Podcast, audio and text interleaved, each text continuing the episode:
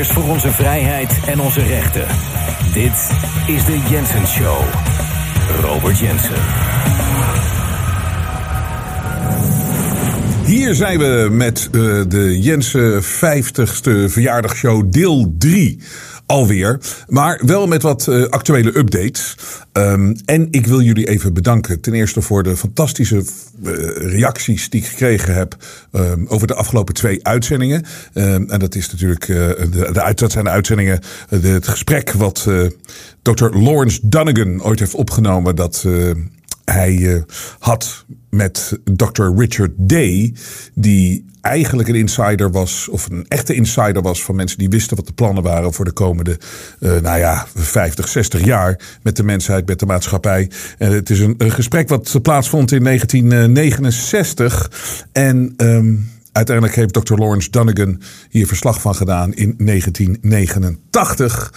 En als je ziet wat daar dus al al die jaren geleden voorspeld is, wat er daarna uitgekomen is van die, uh, nou niet voorspellingen, maar gewoon van de plannen. Het zijn geen voorspellingen, het zijn gewoon plannen die gewoon heel systematisch uitgevoerd zijn. En um, ik heb zoveel reacties gehad, uh, hele heftige reacties, ook hele diepe reacties, maar voornamelijk mensen die heel dankbaar zijn dat ik dit gedeeld heb. voor mij was dit ook, toen ik hier achter kwam, um, een aantal jaren geleden zo'n eye-opener.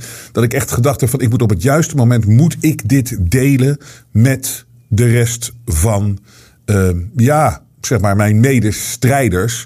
En de, de, afgelopen jaren zijn zoveel mensen wakker geworden. En zoveel mensen zijn anders naar de wereld gaan kijken. Maar ik weet zeker dat dit een bevestiging is van dat er dus altijd iets niet klopte. En dat er iets niet logisch was aan hoe de maatschappij en hoe de wereld ja, ons eigenlijk getoond werd dat die is. En er is natuurlijk iets heel anders aan de gang. En de echte wereld, de echte bestaan, zit heel anders in elkaar. We worden gewoon gemanipuleerd. Um, Um, dingen die we denken dat echt zijn, zijn niet echt. Het is gewoon het spelen met de perceptie om het gedrag van mensen te veranderen. En hier is gewoon het bewijs. Het is het absolute bewijs. En ik heb veel meer nog. En ik vind het zo belangrijk om dit te blijven doen. Uh, om dit uh, helemaal aan jullie te tonen. Het is inderdaad mijn verjaardagscadeau aan jullie. Um, dat, uh, we gaan hier vandaag nog mee door. En misschien ook nog in de uitzending van aanstaande donderdag. want er is zoveel meer nog. En ik, ik weet, dit is ook. Voor sommige mensen heeft dit een beetje deprimerend gewerkt. En zelfs voor mensen in mijn team. Die waren een beetje neerslachtig op een gegeven moment. Want ook al wist je heel erg veel. Om zo geconfronteerd te worden met hoe het echt werkt. En hoe we eigenlijk in de maling genomen worden. Niet eigenlijk in de maling genomen worden. Hoe we in de maling zijn genomen, is echt ongekend. En zeker als je ook weet uh, waar het naartoe allemaal moet leiden. Maar goed, je kan maar beter weten wat het eindspel is en wat het einddoel is uh, van deze griezels.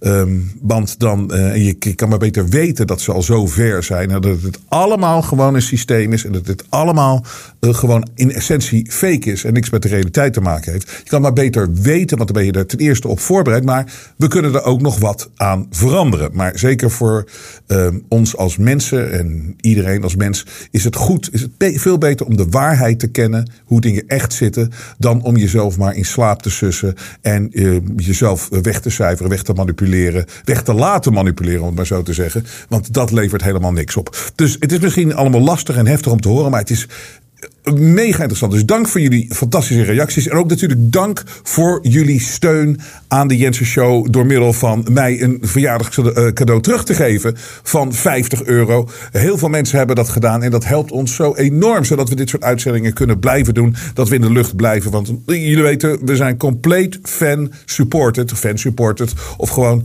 door mensen die medestrijden, uh, strijders zijn. En die ons graag in de lucht willen houden. En die dit waarderen dat wij dit gewoon gratis doen met een groep mensen. Um, we krijgen van niemand betaald, geen subsidies, geen adverteerders. Dat kan, dat kan je ook niet hebben, anders kan je dit nooit uitzenden. Kan je dit niet, kan je niet in de vrijheid opereren. En dat doen wij en dat blijven wij doen. En dank jullie wel. Daarom gaan we ook nog even door met de actie van uh, mijn, waarom niet? Ik bedoel, uh, vorige week woensdag was ik jarig. Je kan toch een hele week kan je, je verjaardag vieren. Dus we gaan er nog even mee door. Wie zegt dat je dat maar op één dag moet doen? Als jij het waardeert wat we hier allemaal aan het doen zijn en je wil uh, onze cadeau geven. En dat is 50 euro voor mijn 50-jarige, 50, 50ste verjaardag. Het wordt zo enorm gewaardeerd vanuit ons. Jullie waardering voor ons. Dit is zo fantastisch. En dank jullie wel voor wat jullie allemaal gedaan hebben. En uh, het, het zorgt er gewoon voor dat wij door kunnen blijven gaan. En dat is belangrijk. En dat zullen we doen. Dus zo het volgende deel van het gesprek. Uh, wat um, Dr. Lawrence Dunnigan ooit genoteerd heeft. Um, de informatie die hij hoorde van een echte insider van deze kwade gasten. Dr. Richard Day, die overleden is in 1989. Dr. Lawrence is overleden in 2004. Maar die heeft dus uh, eind jaren 80 heeft hij het dus allemaal verteld van wat hij daar gehoord heeft. En hij was ook met stomheid geslagen. Want hij dacht echt in 1969 van dit, dit kan toch helemaal niet gebeuren. En hij heeft gewoon die 20 jaar lang heeft hij gewoon precies zien plaatsvinden wat deze Roger, uh, Dr. Richard Day voorspeld heeft. Maar hij voorspelde ook dingen over de toekomst die wij nu zien gebeuren inclusief het absolute eindspel. En dat is natuurlijk gewoon de chip in um, de hand uh, en een, uh, geen cash meer. En dat we helemaal te controleren zijn. Dit is al voorspeld in 1996. Niet voorspeld, maar dit vertelt dat het einddoel is. Dat dat het plan is door Dr. Richard Day. Maar zoveel meer openbaringen. Maar eerst even een actueel ding. En dat is namelijk um, iets wat vandaag in het nieuws verscheen. En het deed mij denken allereerst aan Malcolm X. Dat is natuurlijk zo'n uh, zwarte uh, ja, leider in, de, uh, in Amerika, die natuurlijk ook omgelegd is. En die eigenlijk een fantastische vent was. Die echt uh, voor vrede ging, voor begrip onder elkaar. Die helemaal niet geloofde in zwart-wit. Die, die, die uh, bedoel, hij, hij wordt wel eens, ik heb ook wel eens verkeerd begrepen hoe waar hij nou eigenlijk voor stond. Want hij wordt, ja, we worden zo gemanipuleerd in die media. Um, dat je niet meer weet soms, als je het maar oppervlakkig volgt, dan neem je snel een stelling in. En dan kom je er later achter dat het niet klopt. Maar Malcolm X, die heeft een keer gezegd dat de media zo machtig zijn om deze redenen. En het is, het is fantastisch hoe hij dat omschreef. En dat klopt helemaal. Hij zegt de media is machtig. Want de media kan iemand die onschuldig is doen lijken alsof hij schuldig is. En de media kan schuldige mensen doen lijken alsof ze onschuldig zijn. En dat is zo'n wijsheid die ook alweer zoveel jaren geleden um, uitgesproken is. En, en, en, en nog steeds klopt op de dag, tot op de dag van vandaag. Als je ziet dat de Bill Gates en weet ik veel, uh, al die griezels, de George Soros, worden neergezet in de media als een soort van helden. En een soort van fantastische. Dus deze criminelen worden als onschuldigen neergezet. En mensen die exposen waar deze gasten allemaal mee bezig zijn. En ik, ik bedoel, de Dr. Fauci's, de, de Tedros van de World Health Organization. Al deze mensen, ook in ons eigen land. Al die leugenaars. Die ons twee jaar lang hebben opgesloten voor een virus. Wat, wat geen killervirus was. Um, al deze mensen worden neergezet door de media als onschuldige mensen. Terwijl ze dus zo schuldig zijn als het maar kan zijn. En, en onschuldige mensen worden neergezet als schuldig. Een goed voorbeeld is natuurlijk Julian Assange. Moet je kijken wat een omgekeerde waarheidswereld er natuurlijk, waar we in leven. En wat natuurlijk gewoon uh, verschrikkelijk is dat we dit moeten zien. En het is een wereld die uh, veranderd dient te worden. En dat kunnen we alleen maar doen door het te exposen en door door te gaan. Um, en niet alleen wij, we zijn natuurlijk hier, maar, maar goed, we, we, dragen ons steentje bij. Maar het is wereldwijd zijn mensen aan het opstaan hiertegen. Maar Julian Assange heeft met Wikileaks aangetoond de oorlogsmisdaden van Amerika en de Verenigde Naties en iedereen die erbij betrokken is. maar de oorlogsmisdaden van het Westen. Hij heeft het aangetoond. Hij heeft het bewijs getoond met die Wikileaks. En in plaats van hem nou te vieren, zo van goed dat je dat hebt aangetoond.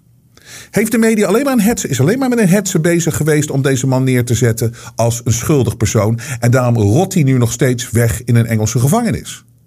Terwijl de, het, daadwerkelijk de feiten die hij heeft aangetoond over de oorlogsmisdaden van uh, Amerika. wordt weggebuifd en wordt genegeerd in de media. En dit is zo'n voorbeeld waar Malcolm X het over had. Onschuldige mensen schuldig doen lijken en schuldige mensen onschuldig doen lijken.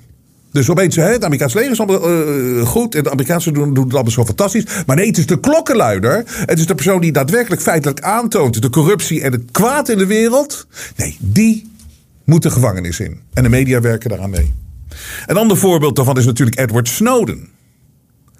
Die is ook zo, die werkte bij een van de intelligence agencies in Amerika. Die toonde aan dat er gespioneerd wordt op de hele wereldbevolking, maar voornamelijk de Amerikaanse bevolking. Dat zag hij daar gebeuren. Maar iedereen, we worden de hele dag, alles wordt opgenomen, alles wordt gedocumenteerd. Het is een enorme centrale. Hij heeft het aangetoond, hij heeft het bewezen. En wat gebeurt er? En dat, dat is allemaal onwettelijk, hè? Je hebt er allemaal eh, parlementaire enquêtes en, en, en, en onderzoeken. En dan zitten ze daar allemaal in de Senaat. En dan moet de FBI-director komen, de CIA-director komen. En die liegen gewoon glashard. De James Clappers, de, de, de John Brennans. Die liegen gewoon glashard. Die zeggen: nee, dat gebeurt helemaal niet. Terwijl Snowden toonde aan dat die gasten zaten te liegen. Dus dat zijn de criminelen. Maar die zie je nog steeds als CNN, op CNN als experts. Als de heilige mensen. En wat is er met Snowden gebeurd? Die moet onderduiken in Rusland. Die kan zijn eigen land niet meer in. Ehm, die wordt neergezet als de crimineel. Omdat hij aangetoond heeft hoe slecht die organisaties zijn en hoe onwettelijk ze zijn en wat ze aan het doen zijn. En in plaats van dat aan te pakken, wordt het ook door de media compleet genegeerd. Nee, Edward Snowden is de crimineel. Wederom dat Malcolm X voorbeeld. En dat is nu dus ook weer gebeurd met die Oekraïne. Uh, er is een man die is, uh, die, uh, die, heet Jack Teixeira en die is 21 jaar. Hij is een Air National Guardsman in Amerika. En hij heeft wat, wat computers gehackt. Hij heeft wat documenten laten lekken. Waaruit blijkt dat die hele oorlog. Die tussen Rusland en Oekraïne. Dat de rol die Amerika daarin speelt. En dat het helemaal niet zo is zoals de media ons vertellen. Nou, dat is kort uitgelegd wat in die leaks staan. Wat doet de mainstream media weer? Die maakt weer van die Jacks, Jack Texera. Uitzonderingen daar gelaten. Een paar mensen nemen het op voor die Jack. Maar die maken van die Jack, maken die de kwade gast. En die moet gestraft worden. Hoe kan je je classified information lekken? Dat kan niet. Dat is een gevaar voor de Amerikaanse voor de, voor de nationale veiligheid. Die wordt als de vijand gezien. En terwijl we dus dagelijks worden voorgelogen over daadwerkelijk die oorlog in Oekraïne. Die documenten tonen dat aan. Het zit heel anders in elkaar. Niemand gelooft dat Oekraïne dat kan winnen. En het is eigenlijk gewoon een oorlog die Amerika ook aan meehelpt om maar in stand te houden. En het gaat maar door, het gaat maar door. Die documenten laten het allemaal zien. In plaats van daarop te focussen hoe we wederom misleid worden en gemanipuleerd. Nee hoor. Er wordt weer van iemand die onschuldig is. Die eigenlijk dus, die, die moet gezien worden als een held dat hij dit gedaan heeft. De, de, de leugens van de maatschappij, van de wereld. Van de gecreëerde wereld. Door kwade krachten. Hij toont de leugens aan, maar hij wordt als schuldige neergezet. En die zit ook in de gevangenis en die komt daar waarschijnlijk nooit meer uit. Wat een wereld leven wij in. En dan heb je dus ook te maken met dan um, die veiligheidsdiensten. Waar we het dus hier over hebben. Die dus al die dingen maar doen. Die bespioneren uh, op ons allemaal. Hè? Allemaal onwettelijk. Mag niet. Hè? In de wet staat gewoon dit mag niet. Maar ze doen het toch. Alles, alles wat wij doen. Wij worden constant in de gaten gehouden. Constant. Constant gecontroleerd. En het bewijs is er.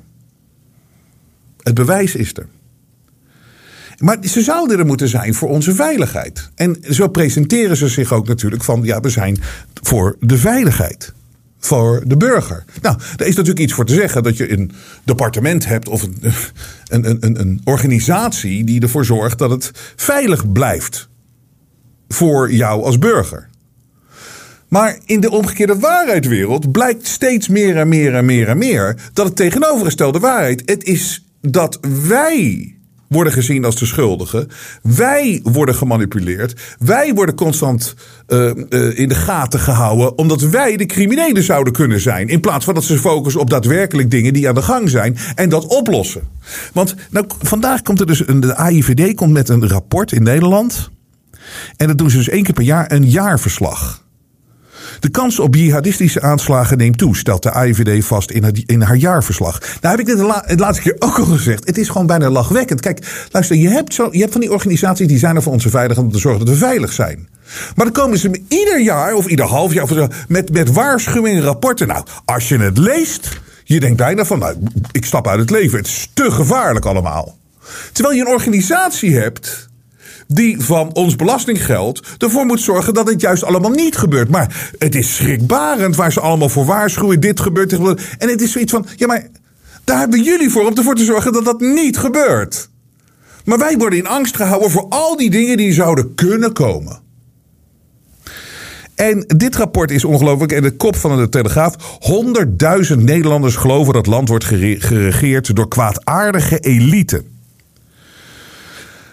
Zo'n 100.000 Nederlanders geloven dat het land wordt geregeerd door een kwaadaardige elite. Ook links roert zich. Het aantal aanhangers van het anarchisme en marxisme stijgt, vooral bij vrouwen uit de grote steden.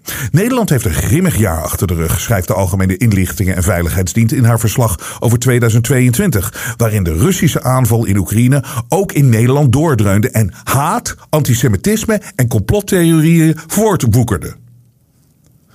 Haat, antisemitisme, complottheorieën. Als je nou van de AIVD bent, weet je, waar ben je nou verantwoordelijk voor? Dat is toch gewoon voor aanslagen en dat ze voorkomt dat er grote dingen gebeuren. Maar haat, complottheorieën, antisemitisme, kom eens met voorbeelden dan. Wat zijn de complottheorieën? Wat is dan het antisemitisme wat zo. Kom eens echt met het grootste voorbeeld. Wat is er gebeurd? Haat, haat is zo'n breed begrip. Opnieuw groeit het wantrouwen tegen de overheid. Ja, vind je het gek? Media, vind je het gek? Rechtspraak en wetenschap. Dus de AIVD noemt dat anti-institutioneel extremisme.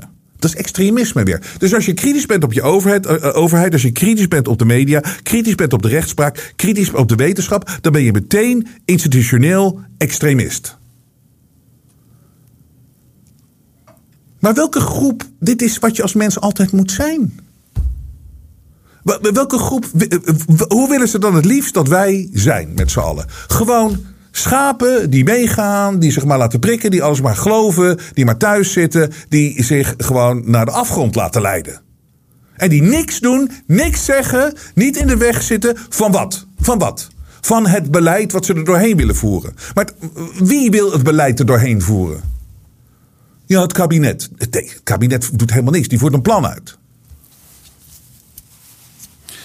Veel aanhangers geloven dat Nederland bestuurd wordt door een sinistere macht achter de schermen die het volk wil onderdrukken, omvolken of uitroeien. Dat is helemaal niet zo raar, want er zijn heel veel voorbeelden van.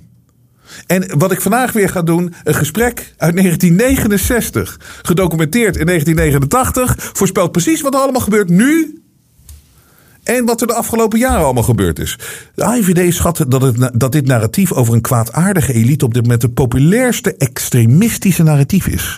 Het precieze aantal is niet met zekerheid vast te stellen, maar de AIVD schat dat waarschijnlijk meer dan 100.000 personen er in meer of mindere mate in geloven. De aanhangers van het narratief zeggen ook dan ook in bezet gebied te leven en in oorlog te zijn met de elite. Personen die deel uitmaken van de elite moeten worden gearresteerd, berecht in tribunalen en volgens sommigen ter dood worden gebracht.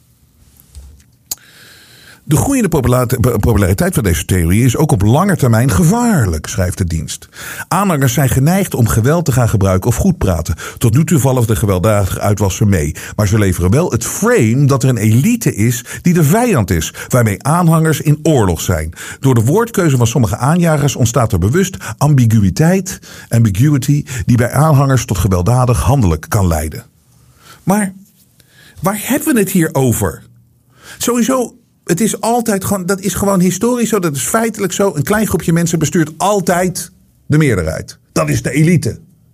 En als die daadwerkelijk aantoonbaar alleen maar voor zichzelf zorgen, dat bijvoorbeeld ook tijdens de coronacrisis zij alleen maar rijker worden en de rest stort in elkaar, hoe kan je nou zeggen dat we niet geleid worden door een klein groepje mensen? En noemen ze de elite of noemen ze wat? Er is niks kwaadaardig aan, dit is constatering van een feit. En het ding is, als zij al zeggen dat honderdduizend, het zijn natuurlijk honderdduizenden. En als je kijkt naar wereldwijd, hoeveel mensen wakker aan het worden zijn. Dan is het, weet je wat het ding is? De aantallen hebben we al. Het is een gelopen race voor die elite, voor het kleine groepje mensen. En dat zullen ze waarschijnlijk ook volgen, uh, voelen. En dat zullen ze om, heen, om hen heen gaan slaan. En we zijn nog lang niet klaar met, uh, met, met deze gasten. En ze willen nog meer voor hunzelf hebben en nog minder voor ons. Dat wij nog minder voor ons zijn. Wij moeten zo snel mogelijk uitgekleed worden met z'n allen. En gecontroleerd worden met z'n allen. Want uh, dit gaat gewoon te hard. Het is maar een klein groepje mensen. De, de, de, meer, uh, hoe meer mensen wakker worden, hoe eerder we een kans hebben. De grootste dreiging komt nog steeds uit de hoek van radicaal islam. Oh, leuk! Gaan we de, de moslims nog eens een keer onder de bus gooien daar ook in dit rapport. Wie is nou eigenlijk op dit moment niet een terrorist? We zijn het allemaal volgens dit rapport. Want het is namelijk ook links. Zowaar links. Ehm, de AIVD ziet de kans op terroristische aanslagen toenemen. Omdat terreurbeweging beweging, beweging ISIS, ondanks dat het al twee keer een nieuw kalief werd uitgeschakeld, enigszins herpakt. Oké. Dus het is nog steeds, de moslims zijn nog steeds zo gevaarlijk. Dus nu hebben we dus zeg maar de, de, de, de, de, de, de honderdduizenden mensen die dus uh, uh, denken dat, dat we bestuurd worden en dat we verkeerd geleid worden vanuit een kwaadaardige elite, een rijke groep mensen die het alleen maar voor zichzelf probeert goed te maken en goed te zorgen, meer macht naar zichzelf toe te trekken en de rest kan doodstorten. Dat is dus een uh, grote groep. En dan hebben we natuurlijk nu de moslims is nog steeds zo gevaarlijk. Even kijken hoor. En, nu ook een marxisme. De dreiging vooral. Even kijken. Wat, zowaar, op links rommelt het. Al is de onmiddellijke dreiging voor Nederland minder. Nee, natuurlijk. Want wat links is altijd. Die voert het, het, het, het, het, het, het plan goed uit. Die loopt mee. Dat zijn schapen die lopen mee in de passen. Die doen precies wat ze gezegd worden. En die zorgt ervoor dat de plannen die ze met ons voor hebben. Dat dat. roep klimaat. En dan gaan ze erin mee. En loopt dit. Dus links moet altijd beschermd worden. Dat zijn natuurlijk altijd nog steeds de heilige mensen. Hè, die, die, moeten, die moeten dom worden. Uh, op links rommelt het, al is het onmiddellijke dreiging minder. Opvallend is de toename van belangstelling voor marxisme en anarchisme van jongeren uit grote steden, vooral vrouwen. De vrouwen voelen zich aangetrokken tot radicaal linkse thema's. Um, Terwijl bij, dit is de AVD, terwijl bij veel rechtsextremisten blanke masculiniteit een belangrijk thema is, houdt een deel van de linkse actiescène zich, uh, zien zich bezig met het strijd uh, tegen wat ze het, patriarchaat noemen. De positie van de witte man. Oké, dus nu hebben we de witte man natuurlijk weer te pakken. We hebben links vrouwen is het gevaar. Moslims zijn het gevaar. De AVD waarschuwt voor de opkomst van het zogenoemd uh, insurrectionele, insurrectionele netwerk van anarchisten. Ze zijn soms klaar tot illegale geweldige dadige acties, bomaanslagen. Dit is ook zo mooi. Thema's voor anarchisten zijn streng vreemdelingenbeleid en het af grendelen van de Europese buitengrenzen door Frontex, op dit moment geleid door een Nederlander. Ook duiken linksextremisten op, wat zij zien als buitensporig geweld door de politie, de wooncrisis. Dus oké, dus links is nu ook weer even. Anarchisten zetten zich af tegen groepen als Extinction Rebellion, die binnen de grenzen van de burgerlijke ongehoorzaamheid blijven, volgens de AIVD. Hebben jullie wel eens gezien wat, die gasten gedaan hebben? Extinction Rebellion. Maar dit is natuurlijk die klimaat nonsens, de, de, de maffia. Uh, propaganda. En dat moet er doorheen kosten wat het kost. Dus dat zijn de goede gasten. Die blijven binnen burgerlijke uh, gehoorzaamheid. Heb je gezien? Ze hebben hele steden in Amerika afgefikt. Extinction Rebellion. Maar dat, dat hoort binnen het burgerlijke gehoorzaamheid. Maar er is geen dreiging van Extinction Rebellion. Maar weet je wat het is? Sowieso, nogmaals, ik kom echt weer terug op het punt. Zij zijn toch de mensen die ervoor zouden moeten zorgen dat wij hier geen last van hebben. Jullie regelen het wel. Dus jullie taak. Zeg als er iets extreems aan de hand is of iets heftigs. Maar worden dit soort rapporten, worden dit soort diensten niet wederom gebruikt om ons bang te maken? En om ons, tegen, om ons tegen elkaar uit te spelen. Want iedereen. Wat is dat? Iedereen maar verdelen in die groepen. Wat, jullie uit, wat, wat, wat ze uitkomen allemaal. Wat ze uitkomt. Die is dat, die is dat, die is dat en die is dat. En de een ziet dat als gevaar, de ander ziet dat als gevaar. En op een gegeven moment staan we weer allemaal tegenover elkaar. Dit is weer manipulatie en het is verschrikkelijk en het irriteert me. Voornamelijk omdat het natuurlijk allemaal voorspeld is zo lange tijd geleden. Wederom ga ik de fout in met het woord voorspeld. Maar het is gewoon het plan. Het is een gecreëerd plan om ons allemaal tegen elkaar uit te spelen. En een onderdeel daarvan is is dat wij ons niet meer veilig moeten voelen. Want als je je niet meer veilig voelt, en dat zag je bij Kiona ook, en dat werkt zo goed. Als mensen bang zijn, dan gaan ze opeens vragen aan de overheid: help me. Daarvoor was het altijd van: oh, de overheid is niet te vertrouwen, politici zijn niet te vertrouwen. De media is ook niet te vertrouwen, ze liegen maar wat. En wat gebeurt er? Kiona. Zo mensen worden bang gemaakt. En dan is het: doe iets, overheid. En dan zitten iedere, de hele avond zitten ze naar die media te kijken.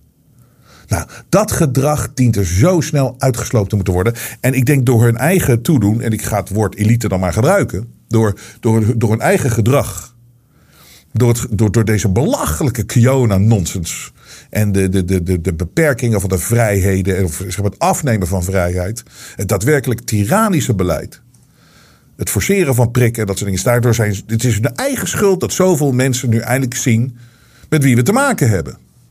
En wat voor kwaad. En dat kan nooit meer gebeuren. Dus here we go. Volgende onderdeel, eh, volgende fase van mijn verjaardagsshow. Dr. Lawrence Dunnigan. In 1969 in Pittsburgh. Op 20 maart 1969 hij zat daar met wat andere wetenschappers en hij zat daar met onder andere Dr. Richard Day, ooit de president van Planned Parenthood in Amerika. Dr. Richard Day deed gewoon een boekje open over wat de plannen zijn voor de wereld voor, door dat kleine groepje mensen. Hij was een insider. We hebben heel veel behandeld al in de afgelopen twee afleveringen. Ik moet je heel zeggen, mijn hart breekt voor de mensen die dat niet aankonden of die het nooit gehoord hebben en die nog steeds maar doorleven alsof de wereld zo is zoals die lijkt. Want dit is het echte bewijs. We beginnen eerst even met dat veiligheidsgevoel, wat aansluit op wat ik net zei. Maar ook dat ze bewust ervoor gezorgd hebben dat bepaalde delen van steden er altijd minder mooi uitzien dan andere delen. En dat ze in bepaalde delen van steden het eigenlijk maar laten aftakelen, verloederen. En dat daar ook het meeste, uh, de meeste criminaliteit blijft zitten. Dat is allemaal bewust gecreëerd. Maar hij gaat ook verder over dat misduid gebruikt wordt om de samenleving te beheren. Hier is Dr. Lawrence Dunnigan in 1989 over een gesprek uit 1969. Change. Nothing is permanent. Streets would be rerouted, renamed. Areas you had not seen in a while then would become unfamiliar. Uh, among other things, this would uh, contribute to older people feeling that it was time to move on. Uh, they couldn't even people would feel they couldn't even keep up now with uh, the changes in areas that were once familiar.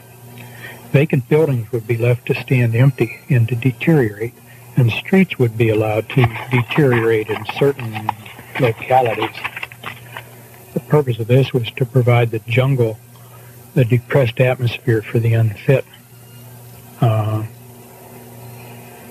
somewhere in this same connection, he mentioned uh, buildings and, be, and bridges uh, would be made so that they would collapse after a while.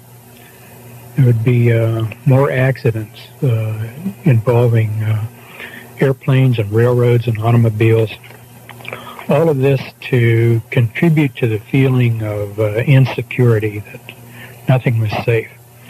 Not too long after this presentation, uh, and I think one or two even before, in the area where I live, we had some uh, newly constructed bridge to break, uh, another newly constructed bridge uh, defect discovered before it broke, and I remember reading just scattered incidents around the country where shopping malls would fall in uh, right where they were filled with shoppers. And I remember that uh, one of the shopping malls in our area first building I'd ever been in where you could feel this vibration throughout the entire building when there were a lot of people in there. Uh, and I remember wondering at that time whether this uh, shopping mall was one of the buildings he was talking about. Talking to uh, construction people and architects about it, they'd say, "Oh no, that's good. Uh, building vibrate like that. That means it's it's flexible not rigid." Well, maybe so. We'll wait and see. Other areas, though, would be well maintained. Uh, not not every part of the city would be slummed. There, there would be uh, the created slums and other areas well maintained. Uh, those people able to leave the slum for better areas then would learn to better appreciate the importance of human accomplishment.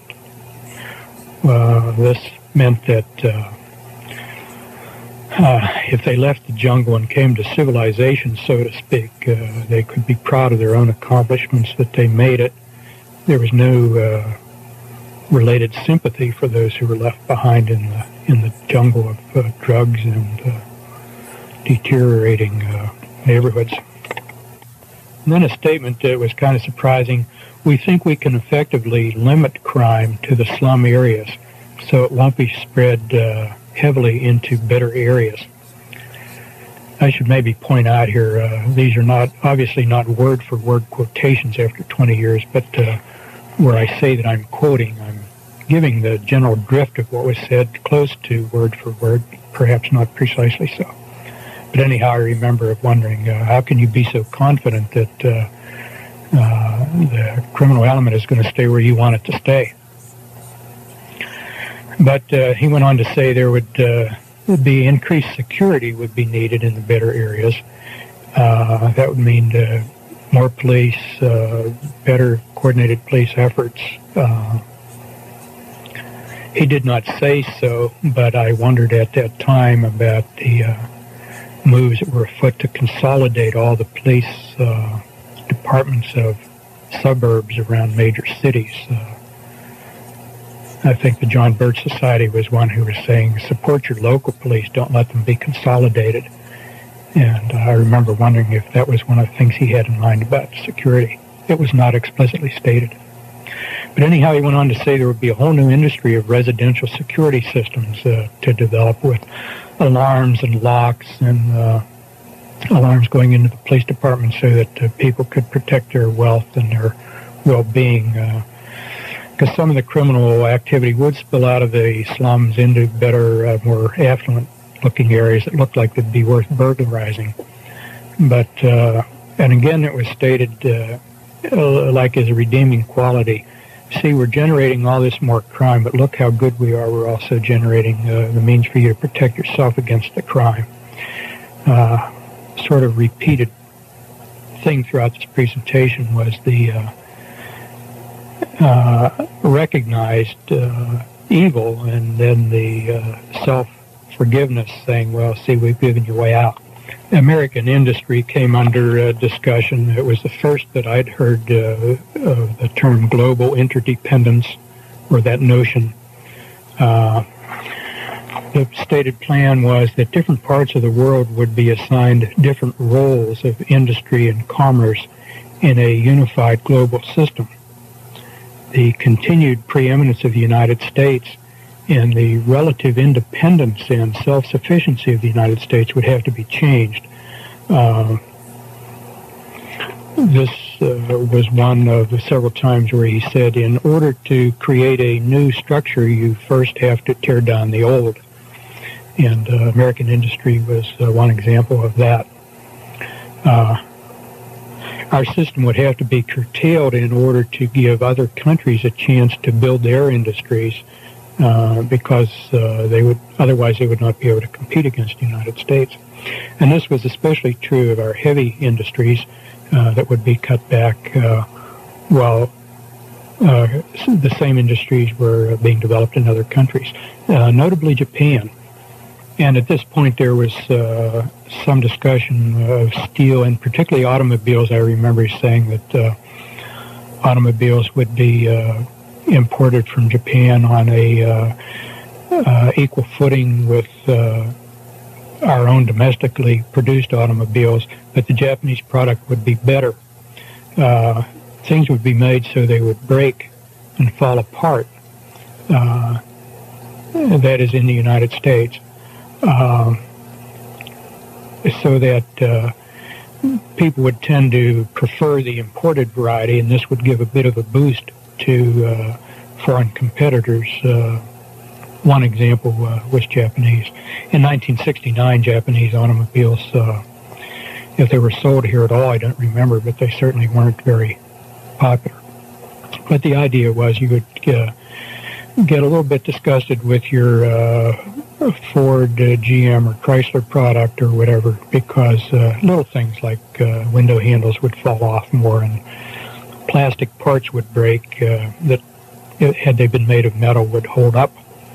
Your patriotism about buying American would soon uh, give way to practicality. That if you bought uh, Japanese or German or imported, uh, that it would last longer and you'd be better off.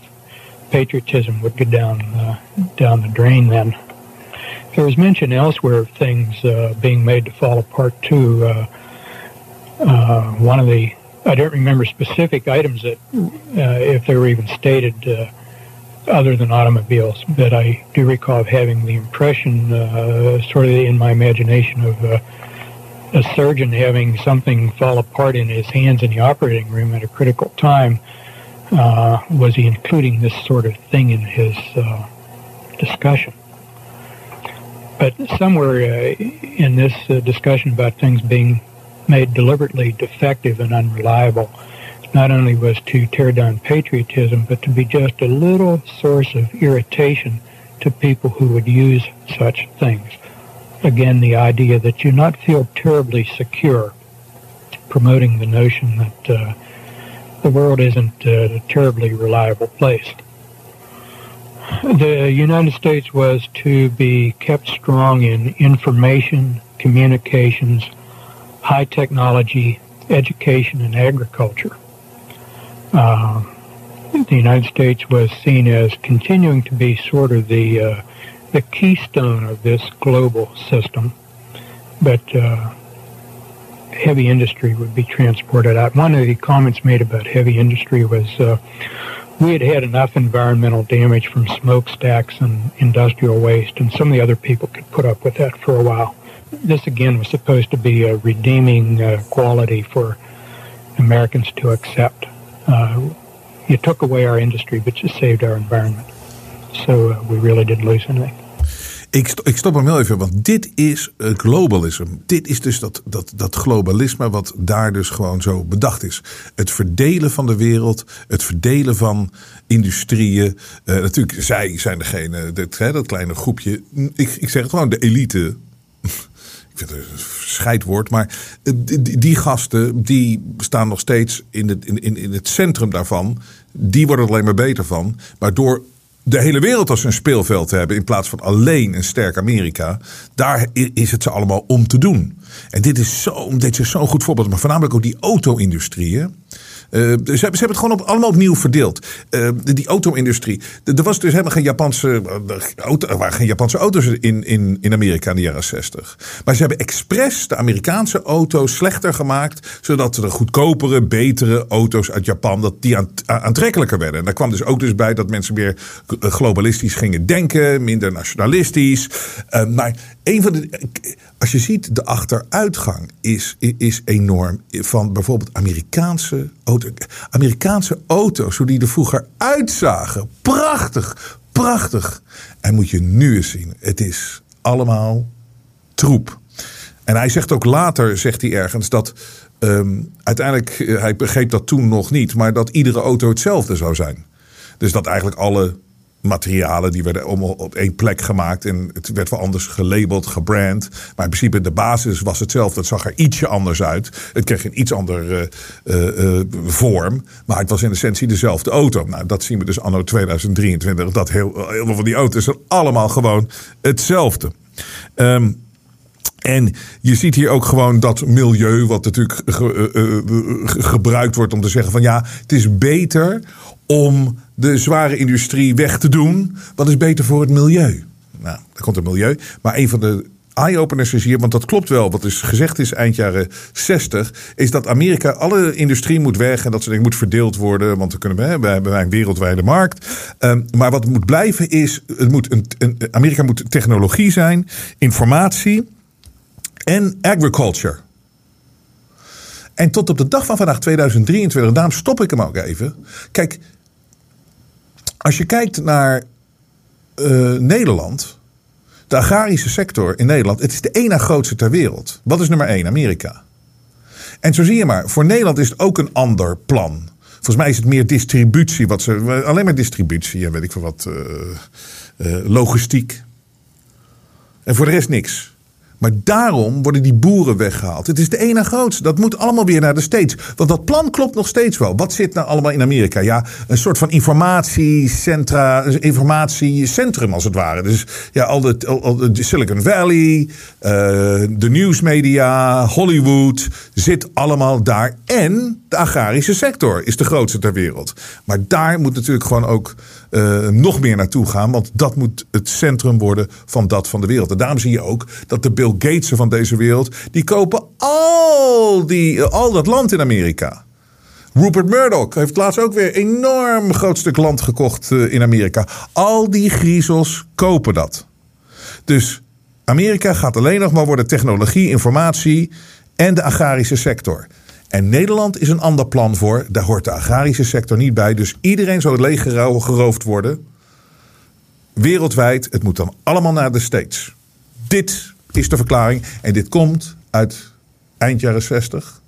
Gedocumenteerd. Je hoort dokter Lawrence, hoor je praten. Eind jaren 80. Daar wilde ik hem even onderbreken. We gaan door. We gaan door met shifting populations. Uh, and along this line, there were talks, uh, there was then discussion about uh, people losing their jobs as a result of industry and uh, opportunities for retraining, and particularly uh, population shifts would be brought about. This is sort of an aside, but I think I'll explore the aside before I forget it more. Population shifts were brought, were to be brought about so that uh, people would be tending to move into the Sun Belt uh, there would be uh, sort of people without roots in their new locations. And uh, traditions are easier to change in a place where there are a lot of transplanted people as compared to trying to change condition traditions in a place where people grew up and had an extended family where they had roots. Uh, things like new medical care systems. If you pick up from uh, Northeast Industrial city and you transplant yourself to the uh, south, Sun Belt or Southwest, um, you'll be more accepting of whatever kind of, uh, for example, controlled medical care you find there than you would accept a change in the medical care system uh, where you had roots and the support of your family. Also in this vein, uh, it was mentioned that uh, he used the uh, plural personal pronoun we. We take control first of the port cities, New York, San Francisco, Seattle. The idea being that uh, this is a piece of strategy. The idea being that uh, if you control the port cities with your philosophy and your way of life, the heartland in between has to yield. Um, I can't elaborate more on that uh, but it is interesting that if you look around the most liberal areas in the country, uh, and progressively so are the uh, seacoast cities, the heartland, uh, the Midwest, uh, does seem to have uh, maintained its conservatism. But as you take away industry and jobs and relocate people, then this is a strategy to break down conservatism. Uh, when you take away industry and people are unemployed and poor, they will accept whatever change seems to offer them survival, and their morals and their uh, commitment to things will all give way to survival. That's not my philosophy, that's the speaker's philosophy. Uh, anyhow, uh, going back to industry, uh, some heavy industry would be remain uh, just uh, enough to maintain sort of a seed bit of industrial skills, uh, which could be expanded if the plan didn't work out as it was intended, uh, so that we, uh, the country would not be devoid of assets and uh, skills. But uh, this was just sort of a contingency plan. It was hoped and expected that the worldwide specialization would be carried on. But uh, uh, perhaps repeating myself, but one of the upshots of all of this is that uh, with this global interdependence, then national identities would tend to be de-emphasized. Um, each area dependent on every other area for one or another elements in, in a, its life. Uh, we would all become citizens of the world rather than citizens of any one country. And along these lines, then uh, we can talk about sports. Sports in the United States was to be changed uh, in part as a way of de-emphasizing nationalism. Soccer, a worldwide sport, uh, was to be emphasized and pushed in the United States. And uh, this was of interest because in this area, the game of soccer was virtually unknown at that time. I had a few friends who attended an elementary school other than the one I attended where they played soccer at their school, and they were a, a real novelty. This was back in the 50s. So to hear this man speak of soccer in the, in this area uh, was kind of surprising. But anyhow, soccer is seen as an international sport and would be promoted, and uh, the traditional sport of American baseball uh, would be de-emphasized and possibly eliminated. Uh, eliminated because it uh, might be seen as too American.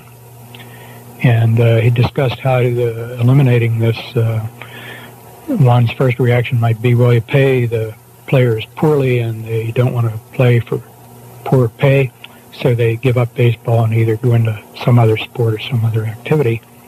But he said that's really not how it works. Uh, actually, uh, the way to break down the uh, baseball would be to uh, make the salaries go very high. And uh, the idea behind this was that uh, as the salaries got ridiculously high, there would be a certain amount of discontent and antagonism as people resented athletes being paid so much. And the athletes uh, would begin more and more to resent among themselves uh, what other players were paid and uh, would tend to abandon the sport. And these high salaries then also could break the owners and uh, alienate the fans. And then the fans would support soccer, and the baseball fields could be used as soccer fields. Uh, wasn't said definitely this would have to happen, but if the international flavor didn't come around, uh, rapidly enough, uh, this could be done. There was some comment along the same lines about football, although uh, I seem to recall he said football would be harder to uh, dismantle uh, because it was so widely uh, in the colleges as well as the professional leagues and would be harder to tear down. And there was something also about the uh, violence in football that met a psychological need that was perceived and uh, people have a need for this vicarious violence, and uh, so football, for that reason, might be left around to meet that vicarious need. Um, same thing too with hockey. Uh, hockey uh, had more of an international flavor and would be emphasized. There's some foreseeable international competition uh, about hockey and particularly soccer at that time, hockey was international between the United States and Canada. Uh, I was kind of surprised because I thought the speaker uh, just never impressed me as uh, being at all a hockey fan, and and I am. But uh, and it turns out he was not. Uh, he just knew about the game and uh, what it would do to this changing sports program. But in any event, soccer was to be the keystone of athletics because it's already a worldwide sport uh, in South America and Europe and parts of Asia and the United States should get on the bandwagon. And all this would foster international competition so that we would all become citizens of the world to a greater extent than citizens of our own narrow nations there was some discussion about hunting. Uh, uh, not surprisingly, hunting requires guns, and gun control is a big uh, element in these plans. And uh, I don't remember the details much, but uh, the idea is that gun ownership is a privilege, and not everybody should have guns. And hunting was an inadequate excuse for owning guns, and uh, everybody should be restricted in gun ownership. The few privileged people who should be allowed to hunt could maybe rent or borrow a gun from official quarters rather than own their own. After all, everybody doesn't have a have a need for a gun, was the way it was put. Uh, very important with sports was sports for girls. Uh, athletics would be pushed for girls. And this was intended to replace dolls. Baby dolls would still be around, a few of them, but you would not see the uh, uh, number and variety of dolls, and dolls would not be pushed because girls should not be thinking about babies and reproduction. Girls should be out on the athletic field uh, just as the boys are. Girls and boys really need not be all that different. Uh, tea sets were to go the way of dolls, and all these things that uh, traditionally were thought of as feminine would be uh, greatly de-emphasized as girls got into uh, more masculine pursuits. And uh, just one of the things I recall was that the sports pages uh, would be full of the scores of girls' teams just right there, right along with the boys' teams. Uh, and that's uh, recently begun to, after 20 years, recently begun to appear in our local papers. The girls' sports scores are right along with the boys' sports scores. So all of this to change the role model of what a young girl should look to be uh, while she's growing up. She should look to be an athlete uh, rather than to look forward to being a mother. Uh, entertainment. Movies would gradually be made more explicit as regards sex and language. After all, sex and rough language are real, and uh, why pretend that they are not? Uh, there would be pornographic movies uh, in the theaters, on television, and uh, VCRs were not around at that time, but it indicated that these these cassettes would be available, and video cassette players would be available for use in the home, and pornographic movies would be available uh, on these VCRs as uh, as well as in the neighborhood theater and uh, on your television said something like people, uh, you'll see people in the movies doing everything you can think of. Uh, went on to say that, uh, and all of this is to, to bring sex out in the open. That was another comment that was made several times, a, a term, sex out in the open. Uh, violence would be made more graphic. This was uh, intended to desensitize people to violence there might need to be a time when people would witness real violence and be a part of it. Uh, later on, it'll become clear where this is headed. Uh, so there would be more realistic violence in entertainment, uh, would make it easier for people to adjust. Uh, people's attitudes towards death would change, and uh, they would not be so fearful of it, but more accepting of it and not be so aghast at the sight of dead people or injured people. Uh, we don't need to have a genteel population paralyzed by what they might see. Uh, people would just learn to say, uh, well, I don't want that to happen to me. This was the uh, first statement uh, suggesting that the plan includes uh, numerous human casualties which the survivors would see.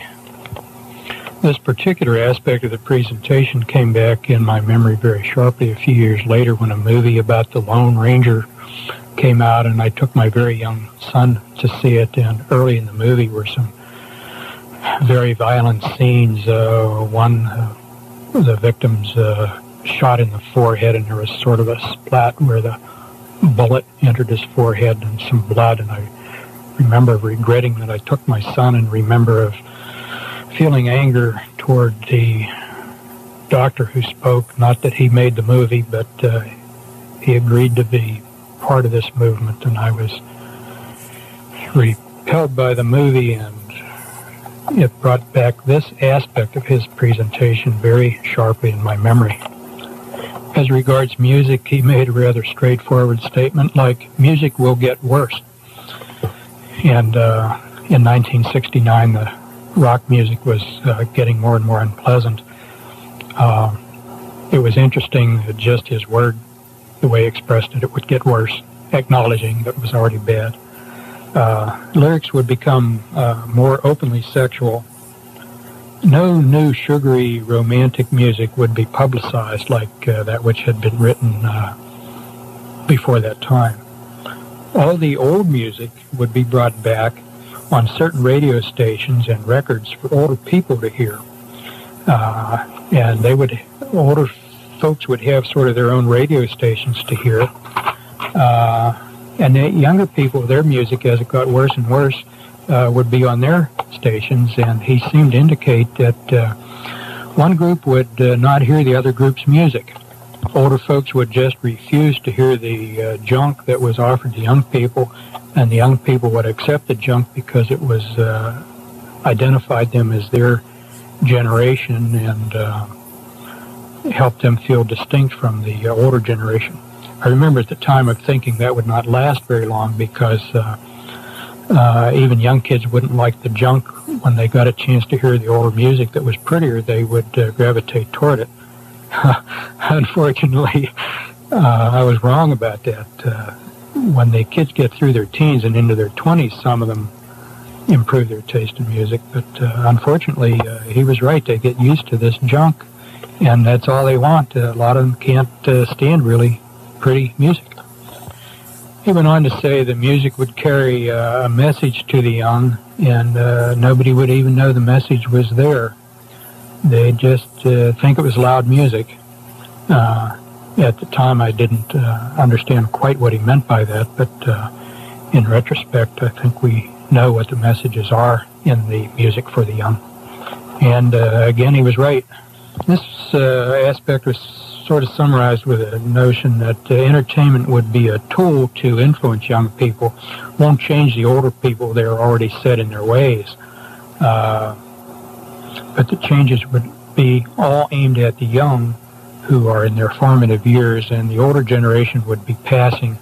Not only could you not change them, but they're relatively unimportant anyhow. Once they live out their lives and are gone, the younger generation being formed are the ones that uh, would be important for the future in the 21st century. He also indicated all the old movies would be brought back again, and uh, I remember on hearing that, uh, through my mind ran quickly the memories of a number of old movies that uh, uh, I wondered if they would be included, the ones that I thought I would like to see again. Along with bringing back old music and old movies for uh, older people, there were other privileges that uh, also would be accorded uh, older folks. Uh, um, free transportation, breaks on uh, purchases, uh, discounts, uh, tax discounts, uh, a number of privileges just because they were older. And this was stated to be sort of a reward for the generation which had grown up through the Depression and had survived the rigors of World War II. They had deserved it and they were going to be rewarded with all these goodies. And the bringing back of the good old music and the good old movies was going to uh, help ease them through their final years in comfort. En dit is weer een voorbeeld van wat hij al vaker aanhaalt. Is dat het is natuurlijk een duivels plan allemaal. En deze mensen creëren het allemaal zelf. Uh, deze mensen creëerden de Great Depression. En de oorlogen, grote rol spelen deze mensen. To put it mildly. En dan belonen ze dan even die generatie, die oude generatie. Ze praten het heel even goed van. Ja, maar je krijgt gratis, je mag gratis op de bus. Maar het plan in essentie is natuurlijk duivels. En dat geeft hij een paar keer aan dat die vent, die Richard uh, dat hij wist dat het allemaal duivels was. Maar dan, doen ze, dan af en toe gooit hij erin van ja, maar kijk, tuurlijk, we creëren wel een hele hoop. Uh, criminaliteit in die voorsteden. Doen we bewust en dat laten we ook zo. Maar kijk, uh, het, wordt, het wordt ook veiliger, want we geven mensen uh, alarmsystemen. En we geven mensen beveiligers en, en dat soort dingen.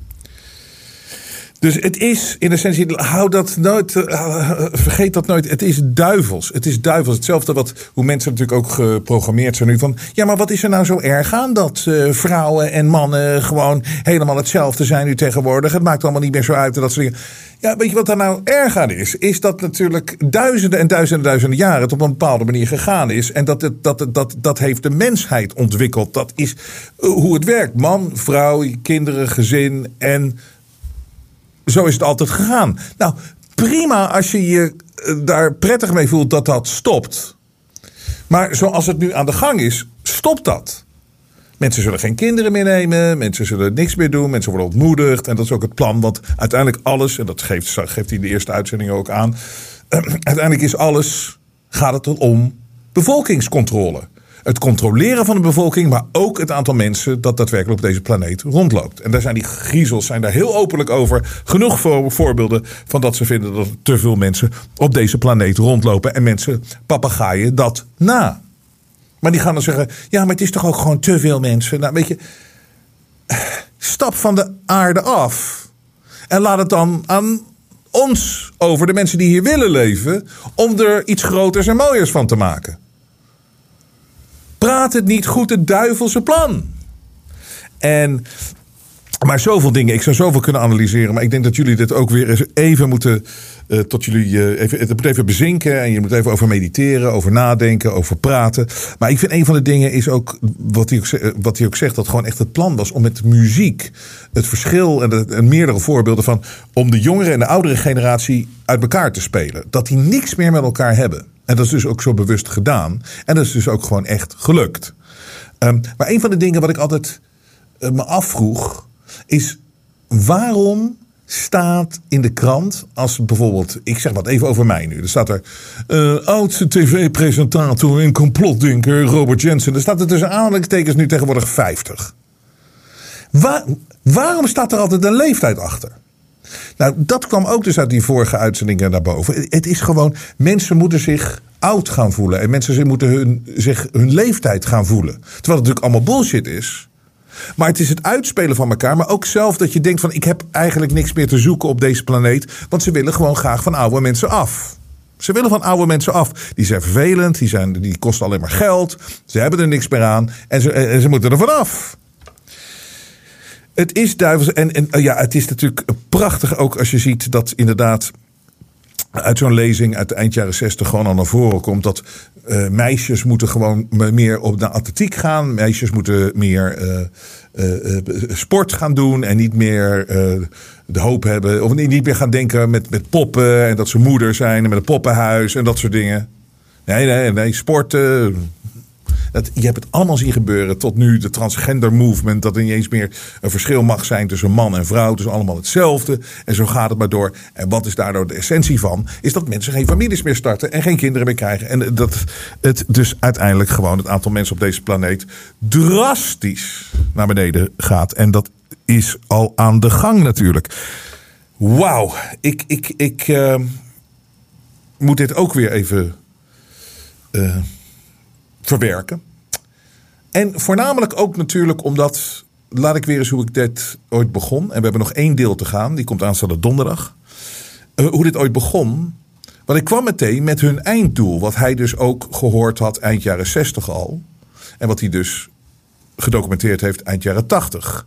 En dat is precies waar we nu in zitten. Dit is wat ze willen. En ik herhaal het nog een keer. This cashless society, this is the first time, I believe, in the where the entire population of the world can be controlled economically so that somebody can say, I know I'm pushing the right buttons, I know how much credit you have electronically, I know where you spend your money electronically, and you cannot buy, you cannot sell unless you get on my computer. Uh, right now, you have a half a dozen credit cards in your pocket, but pretty soon they'll be narrowed into one credit card, and then when we, you know, ostensible reason is people lose their credit cards, and we have to get rid of that and put the implant in. That's right. and uh, where can you put the implant? In, on your hand or on your forehead? Where it has to be accessible to the skin. So yeah. your right hand to your forehead. De implant. En je ziet het nu gebeuren. De implanten hebben ze het nog niet zo heel veel over, maar het gebeurt al. En, maar de cashless society en de, uh, dat, dat, dat, dat, dat cash gaat verdwijnen. Uh, het is alleen maar in het nieuws op dit moment. Dus we zitten in het eindspel van die gasten. En het mag ze niet lukken. Uh, maar we worden constant in de gaten gehouden. Worden constant tegen elkaar uitgespeeld. En we moeten dat doorprikken. We moeten zien dat we gewoon zo ontzettend gemanipuleerd worden. En ik ben benieuwd naar dit. Dit uh, speelt vannacht. Uh, is er een interview. Um, heeft Tucker Carlson met Elon Musk. De mysterieuze Musk. Maar um, er is een, een, een clip, een teaser zoals dat heet in onze business. Is naar buiten gebracht. En waarin Elon Musk dus gewoon zegt dat de CIA, FBI, toen hij Twitter overnam, dat de CIA, FBI hadden toegang tot alle informatie, inclusief wat gebruikers van Twitter denken dat privé is. Maar hetzelfde zal gelden voor Instagram, hetzelfde zal gelden voor Facebook. Dat, weet die direct messaging, dat je denkt, ik kan het alleen met de persoon zelf doen. Ook daar hadden ze toegang toe. The degree to which uh, various government agencies had effectively had full access to everything that was going on on Twitter uh, blew my mind. Um, I was not aware of that. Would that include people's DMs?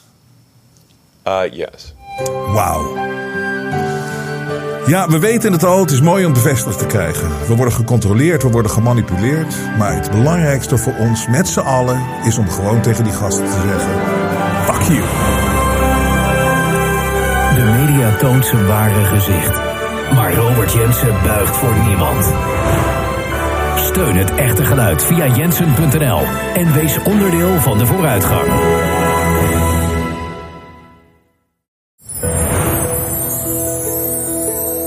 Dit is mijn verjaardagsweek.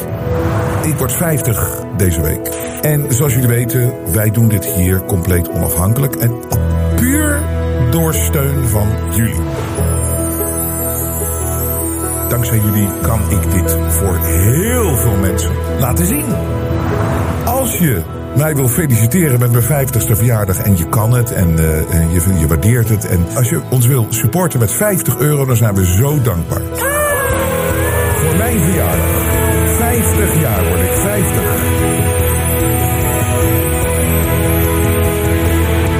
Dank jullie wel als jullie het willen doen. 50 euro voor mijn 50ste verjaardag.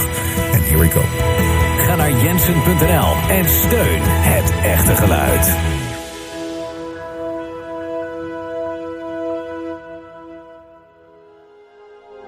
Het vrije geluid laat zich niet censureren.